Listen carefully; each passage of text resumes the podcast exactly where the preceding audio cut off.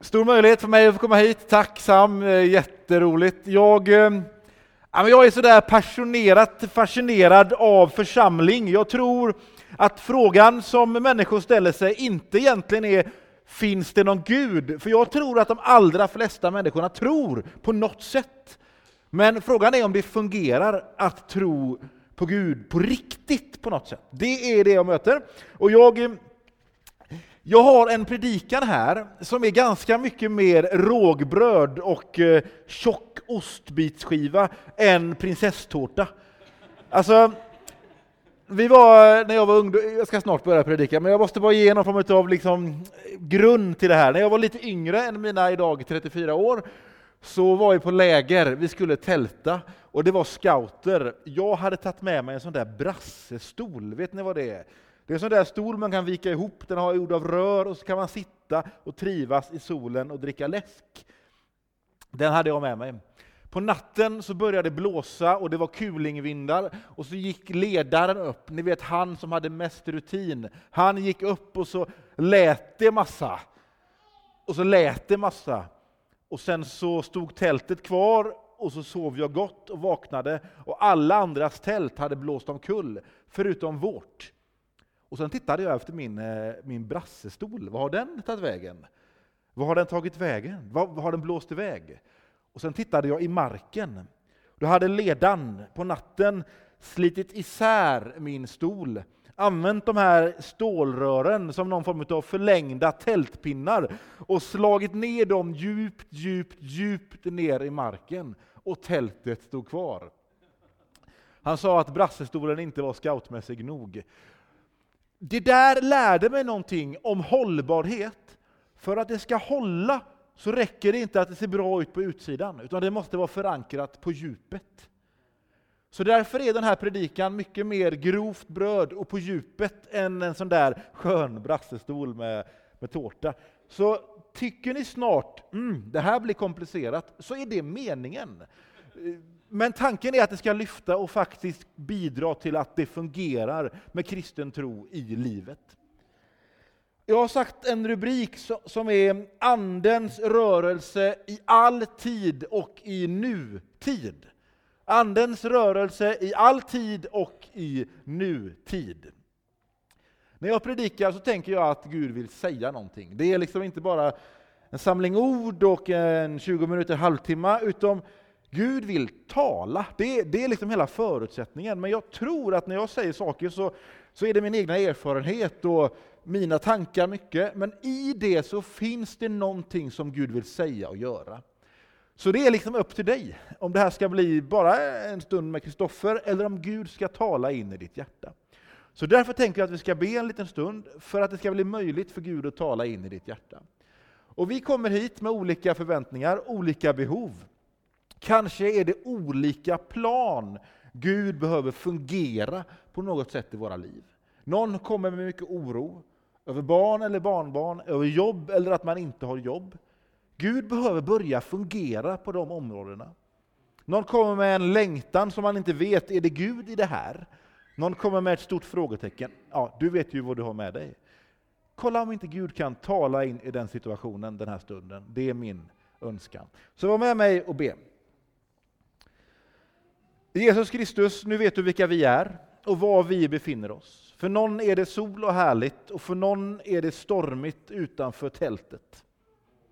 Herre, vi ber att den här gudstjänsten ska göra så att våra liv både står fastare, tryggare och mer ja, det här bär känsla. Och så ber vi att du ska fungera än mer i våra liv. Du vet att vi har några områden där det inte det är som att du fungerar. Där du känns långt borta och otydlig. Herre, bli tydlig. Tala till oss. Säg någonting rätt in i våra liv. Använd så mycket som möjligt om mig, Gud, men låt allt annat som, som just bara är mitt eget, låt det falla.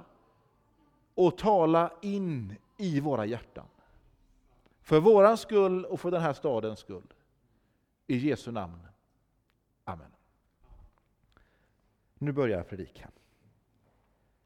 Svärfar, Inge, han har en tång liknande den här. Just den här fick jag av ljudteknikern. Men tack. Svärfar Inge är en praktisk man. Hans tång och hans verktyg är betydligt eh, äldre. Jag tror att de flesta verktygen är äldre än mig i hans eh, låda faktiskt. Men så händer det att någonting går sönder, det är en cykel, det är en varmvattenberedare eller det är elvispen och det går inte att göra grädde till tårtan. Då springer svärfar ner och så låter det i verktygslådan. Och så tar han sin hand och griper ner och så tar han tag i rätt verktyg och så kommer han upp med det och så lagar han nästan alltid det som behöver fixas. Ha med den här bilden, den här kommer vara avgörande för den här predikan. Jag ska läsa ett ställe som eh, är starten på det som är pingströrelse. Vi är ju en pingstkyrka. Och min fråga är, hur är det att vara pingstkyrka idag? Vad innebär det och vad innebär det för att få tron att fungera, att vi är en pingstkyrka?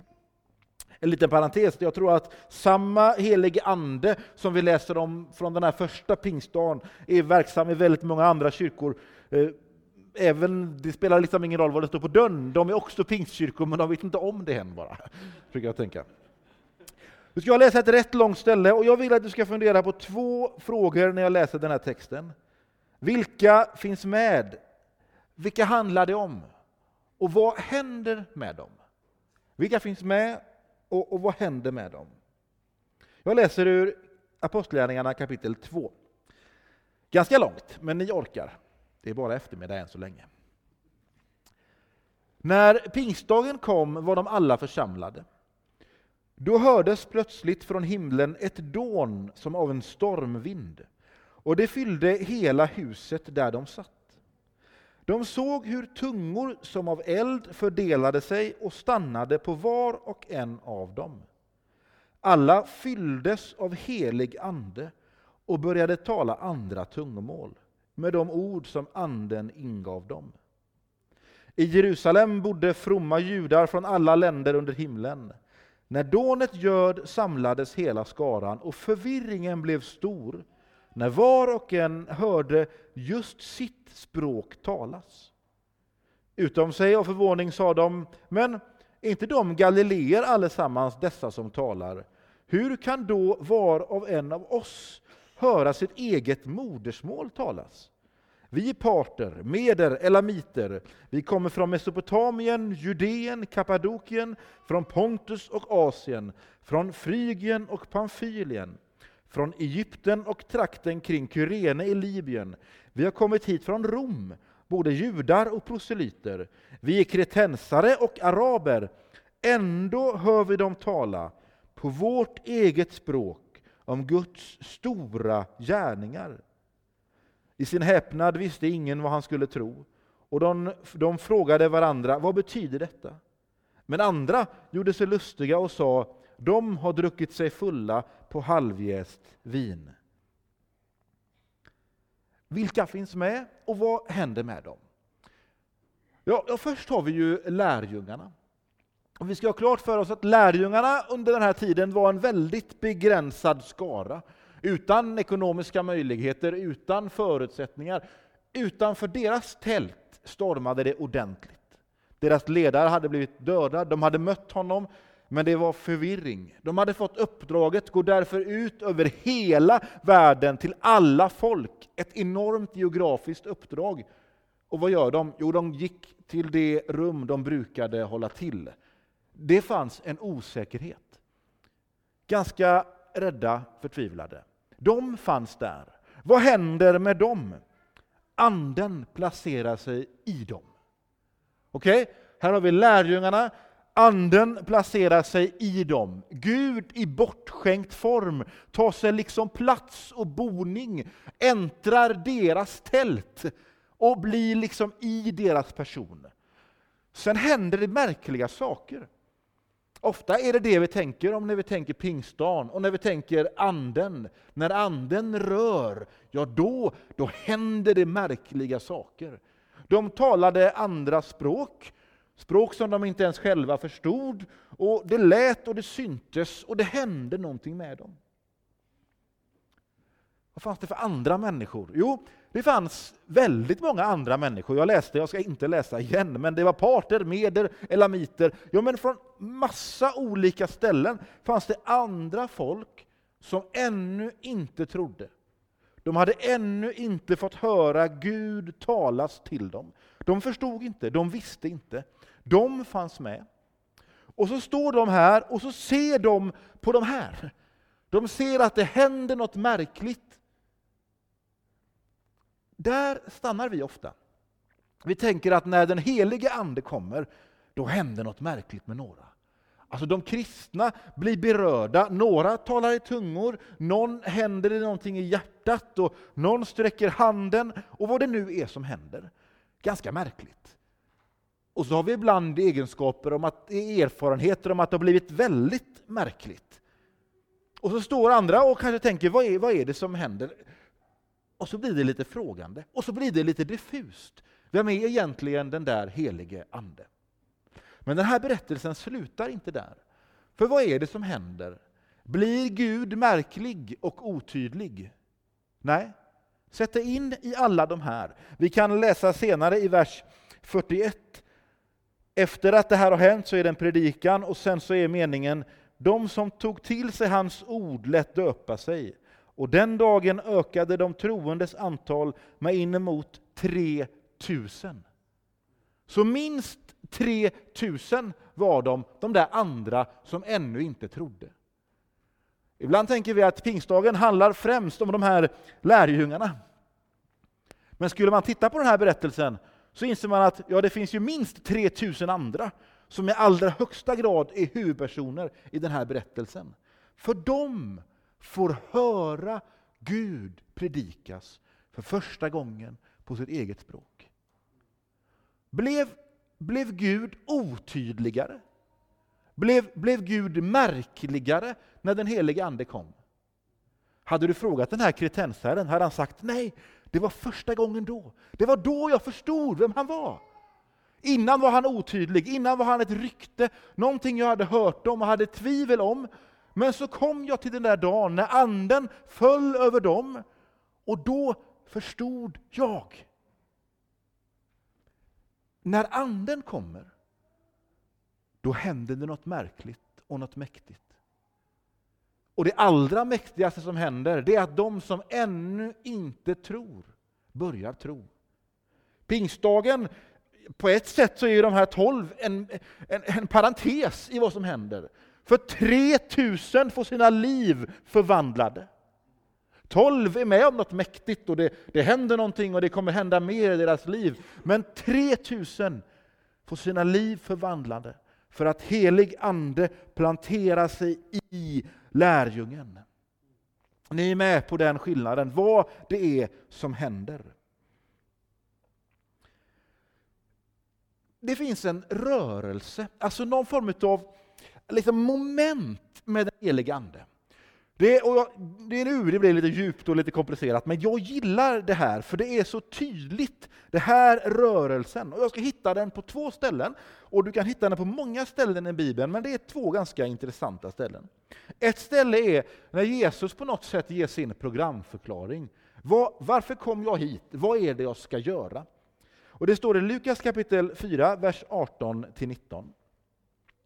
Och den, den börjar med Herrens ande är över mig, ty han har smort mig till att frambära ett glädjebud till de fattiga. Han har sänt mig att förkunna befrielse för de fångna och syn för de blinda, att ge de förtryckta frihet och förkunna ett nådens år från Herren. Titta här nu på min rörelse. Herrens ande är över mig. Och och det är som att Jesus själv blir täckt av Guds närhet. Herrens ande är över mig. Och sen så är det Jesus, det handlar om Jesus. Och sedan så händer någonting. Här är det ett glädjebud till de fattiga. Det är liksom befrielse för de fångna. Det är tro till de som inte tror. Det händer någonting. Titta här nu. Anden, och så kommer Jesus, och så händer det någonting. Och så har jag tänkt att det, det här är ju mäktigt. Vad finns det här på andra ställen? Och så kom det sig att jag satt och läste till en helt annan predikan och så landade jag i precis starten utav Bibeln.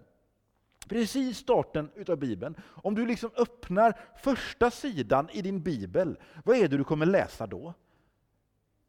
Kom bara ihåg, anden, Jesus och så händer något. Jag läser. Första Mosebok kapitel 1, vers 1. Verkligen i början. Till och med ordet början finns med. Så mycket början är det. I begynnelsen, ja, början, skapade Gud himmel och jord. Jorden var öde och tom. Djupet täcktes av mörker och en gudsvind svepte fram över vattnet. Gud sa ljus bli till och ljuset blev till. Nu ska ni få lite hebreiska. Jag använder mig av Bibel 2000, jag tycker att det är en bra översättning oftast. Här står ett ord som är Guds vind. I grundtexten står det Roach Elohim. Och, och, samma ord som det är för vind, Roach, det är samma ord för ande. Så antingen står det en Guds vind eller Guds ande svepte fram över vattnet. Nästan alla andra översättare har tänkt och trott, att, och vi tror, att den helige Ande inte bara är en kraft, utan en person. Den helige Ande har alltid varit en person och kommer alltid vara en person. Att Gud är densamme då, idag och evighet. Och läser jag Ruach Elohim och tänker att Guds ande är en person och inte en kraft, ja då skulle det bli en översättning där det står Guds ande svepte fram över vattnet. Tänker man att Guds ande är en kraft så kan man använda sig av Guds vind. Men vi tror att anden är en person. Så låt mig läsa den här med, med en liten annan översättning. Djupet täcktes av mörker och Guds ande svepte fram över vattnet. Gud sa ljus bli till och ljuset blev till. Då har vi identifierat Guds ande i den här texten. Guds ande svepte fram. Det var ingenting. Det var tomt. Det var början på allt det som är början. Vi vet inte hur det är, men Bibeln berättar att det var öde och tomt. Och så sveper Guds egen ande, egen närvaro fram. Och sen talar Gud. Gud sa, ljus blir till. Och Det finns ett ställe i Bibeln som hjälper oss att förstå de här första verserna. Det är Johannes kapitel 1, vers 1. Här berättar Johannes att det finns ett ord för Jesus och att det ordet är Ordet. Längre, så kommer, längre fram i texten kommer det stå att Ordet blev människa och vi förstår att det handlar om Jesus. Men i början av Johannes står det så här, i begynnelsen, kommer ni ihåg, i början fanns ordet, alltså Jesus. Och ordet fanns hos Gud, och ordet var Gud. Det fanns i begynnelsen hos Gud. Allt blev till genom det, och utan det blev ingenting till av allt som finns till. Och så tar vi med den här, den här kunskapen till Moseboken, där vi har identifierat hur anden, Guds ande rörde sig, svepte fram över vattnet och sen, vad är det Gud gör? Han sa, han talar. Vem var det som var ordet? Vem var det som liksom var? Jo, men det var Jesus. Så här dyker Jesus egen person upp i allra första början av Bibeln. Först är det anden, sen är det Jesus, Johannes berättar att Jesus själv var med vid skapelsen, att allting blev till genom honom. Ja, men det står ju, Gud sa, han talade ordet och ljuset blev till. Anden, Jesus och förändringen, förvandlingen. Det händer någonting. Och det händer inget litet här. Här händer allt. Allt som någonting har funnits, det skapades här. Gud liksom bara andades ut namnet Jesus och allt blev till. Ibland kan man undra vad innebär det att Gud är allsmäktig? Vad innebär det att Gud är allsmäktig? Du sitter med dina utmaningar, dina bekymmer. Vi finns i den här staden. Vad kan Gud egentligen göra? Ja, han kan göra allting. Han kan göra allting av ingenting. Du tänker att det är tufft, och jag tror att det är tufft. Jag tror att ibland är det utmaning så att det går upp i halsen. Att mörkret på något sätt kommer så nära att vi inte riktigt vet om vi orkar. Men i första sidan på Bibeln berättar det att när Gud talar, när han låter sin ande verka, då kan oavsett, oavsett omständigheter, hur mycket det än stormar utanför tältet, hur den är, så kan allting hända. Och rörelsen är anden, Jesus, och så händer någonting. Hur ska vi då kunna göra verklighet av det här? Det här är liksom ett bibelstudium nästan. Hur ska det här bli en verklighet i mitt liv? Hur ska anden liksom planteras i mitt liv, i ditt liv? Så att de andra, ni vet alla de där 3000, kan se på oss, komma nära oss och börja tro. Så att vårt mörker, vad det nu består av, blir till ljus. Hur är det möjligt? Vad, vad, kan vi göra för att förtjäna det? Ibland har jag ställt den frågan. Gud, nu har jag ett, ett uppdrag framför mig, en önskan. Gud, kan jag, kan jag göra någonting för att få tag i det jag längtar efter? Kan jag göra någonting? Jag har levt med de funderingarna de senaste månaderna. Och så tänker jag på, på svärfar. Om hur det behövs göras någonting. Och hur det finns ett verktyg. Och hur, hur svärfar liksom sticker ner sin hand i verktygslådan.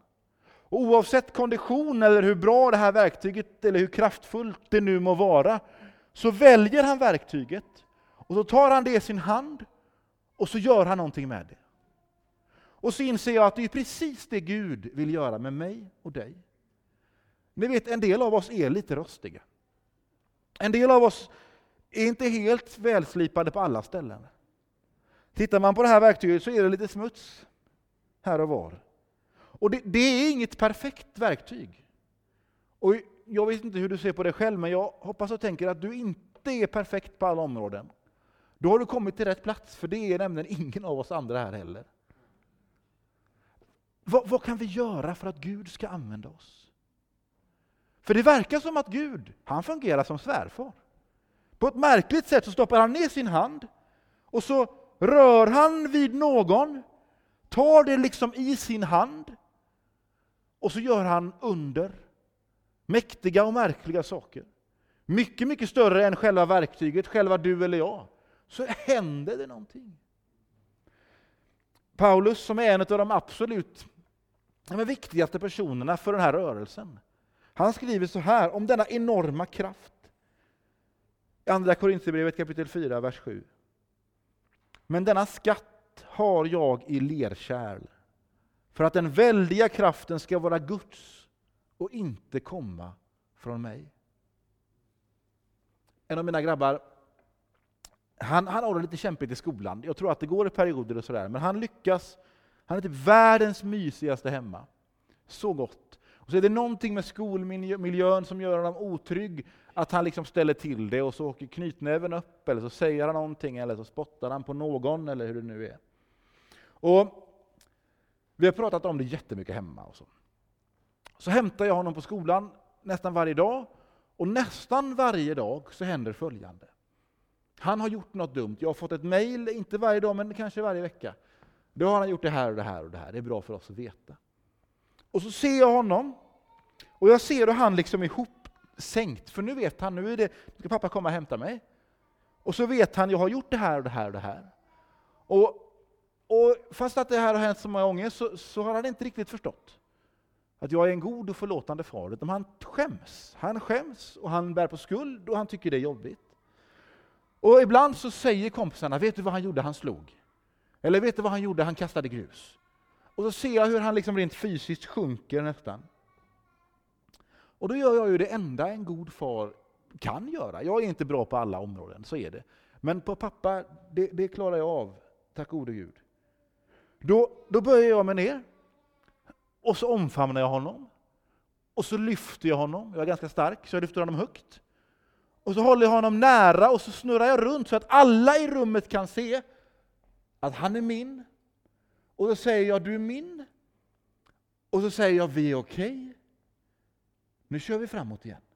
Nu kör vi framåt igen. Och så känner jag hur han liksom hänger i mina armar. Och hur hans stelhet blir avslappnadhet. Hur hans ångest blir till triumf för de andra. Ni trodde att han skulle skälla på mig. Jag vet att jag har gjort fel, men, men pappa är på min sida. Och så får jag göra det om och om och om igen. Och så inser jag att precis det, det är det Gud vill göra med dig och mig. Vi behöver säga, vi, vi, vi får inte ihop alltihop själva. Vi, vi, lyckas inte med allt och vi vet inte hur vi ska förvandla det här läget, hur vi ska förvandla den här staden. Vi behöver säga Gud, jag, jag är här, du vet allt. Och så är det som att Gud sträcker ner sin hand, tar tag i dig och säger, du, du är min. Vi, vi, vi är okej. Okay. Nu, nu går vi vidare. Och så har jag upptäckt en nyckel. Och verktygsbilden har hjälpt mig med den. Det är att ett verktyg som ligger i en hand har flera beröringspunkter mot handen. Alltså det finns liksom lillfinger, ringfinger, långfinger och pekfinger och tumme och så när det väl trycks till så är det hela handflatan. Jag tänker att Gud behöver flera beröringspunkter in i ditt liv. Och enligt Paulus så kan det mycket väl vara svagheten. Att du inte är en perfekt stålcylinder utan ett lerkärl som kan vara en beröringspunkt in i ditt liv. Att du säger som det är till Gud. Gud, så här är det. Jag skäms. Förlåt. Det är som att det är, det är själva handflatan att vila i. Så här är det. Dina drömmar kanske blir en beröringspunkt för Gud in i ditt liv. Vad längtar du efter? Säg det till Gud. Låt han förvandla och påverka din längtan. Och så tänker jag att den här skatten, kraften, det är Guds ande som han vill fylla dig och mig med. Och jag tror att det är samma princip. Av någon anledning så väljer svärfar just det här verktyget. Jag vet inte, för att han har lust eller för att han tycker att det passar. Och så tycks det vara när anden kommer över oss. Gud vill liksom av någon anledning bara beröra dig och säga, du, vi är okej. Okay. Nu ska vi gå vidare. Och konsekvensen av det, det är att de här, de som inte tror, de behöver se, de behöver upptäcka att det har hänt någonting i ditt liv och de behöver få sina liv förvandlade. Guds ande fungerade i skapelsen. Jesus var med och det hände någonting. Samma ande fungerar idag. Jesus är här och det kan få hända någonting. Ikväll och imorgon när du går till skolan. När du ringer din väninna eller när, skolan, när, när jobbet börjar. Det kan hända något. Låt oss be. Jesus, tack för att du med din egen närvaro gör skillnad. Tack för att Anden har en rörelse, att den pekar på dig Jesus och att det händer någonting i världen när du kommer nära. Herre, nu ser du vår värld, vår verklighet. Och jag är övertygad om att någon här inne, ganska många förmodligen, har mörka fläckar i livet. Där det liksom är något som oproportionerligt mycket får definiera vad man själv är värd eller hur bra saker och ting är. Jesus, låt det få bli en beröringspunkt nu. Där du kan komma nära och säga, vi, vi är okej. Okay. Du är min. Nu går, vi, nu går vi vidare. Jesus, du ser den som har trott och tänkt att den helige Ande är till för mirakel och märkligheter. Men det blir mest konstigt och märkligt. Tack för att din Ande alltid gör Jesus tydlig. Och att resultatet blir att människor som ännu inte tror börjar tro. Tack för att vi inte behöver vara rädda för din närvaro i våra liv. För din närvaro i våra liv innebär att du blir tydlig. Och att de som inte tror börjar tro. Jesus Kristus, kom och överraska oss den här kvällen. Gör någonting i oss och med oss. Och låt det få konsekvenser i vår vardag. Redan imorgon. Bo i oss. Gör med oss. För vår skull och för världens skull. I Jesu namn.